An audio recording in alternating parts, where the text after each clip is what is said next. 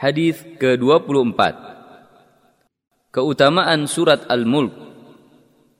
عن ابي هريره رضي الله عنه عن النبي صلى الله عليه وسلم قال ان سوره في القران ثلاثون إيه شفعت لصاحبها حتى غفر له تبارك الذي بيده الملك Dari Abu Hurairah radhiyallahu anhu dari Nabi Shallallahu alaihi wasallam bersabda Sesungguhnya ada satu surat dalam Al-Qur'an yang mengandung 30 ayat yang akan memberikan syafaat bagi pemiliknya yakni penghafalnya, pembacanya yang mengamalkannya hingga ia diampuni yaitu surat Al-Mulk tabarakalladzi biyadihil mulk Hadis riwayat Ibnu Majah Abu Dawud dan Tirmidzi ini lafaz Ibnu Majah.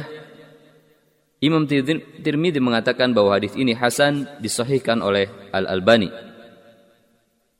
Perawi hadis lihat hadis nomor 13. Beberapa faedah hadis ini adalah hadis ini menunjukkan sebagian keutamaan surat Al-Mulk.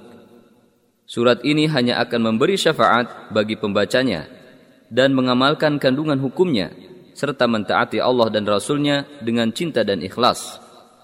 Hadis ini menganjurkan untuk memperhatikan surah yang berkah ini dengan mempelajarinya, memahaminya, serta mengamalkannya.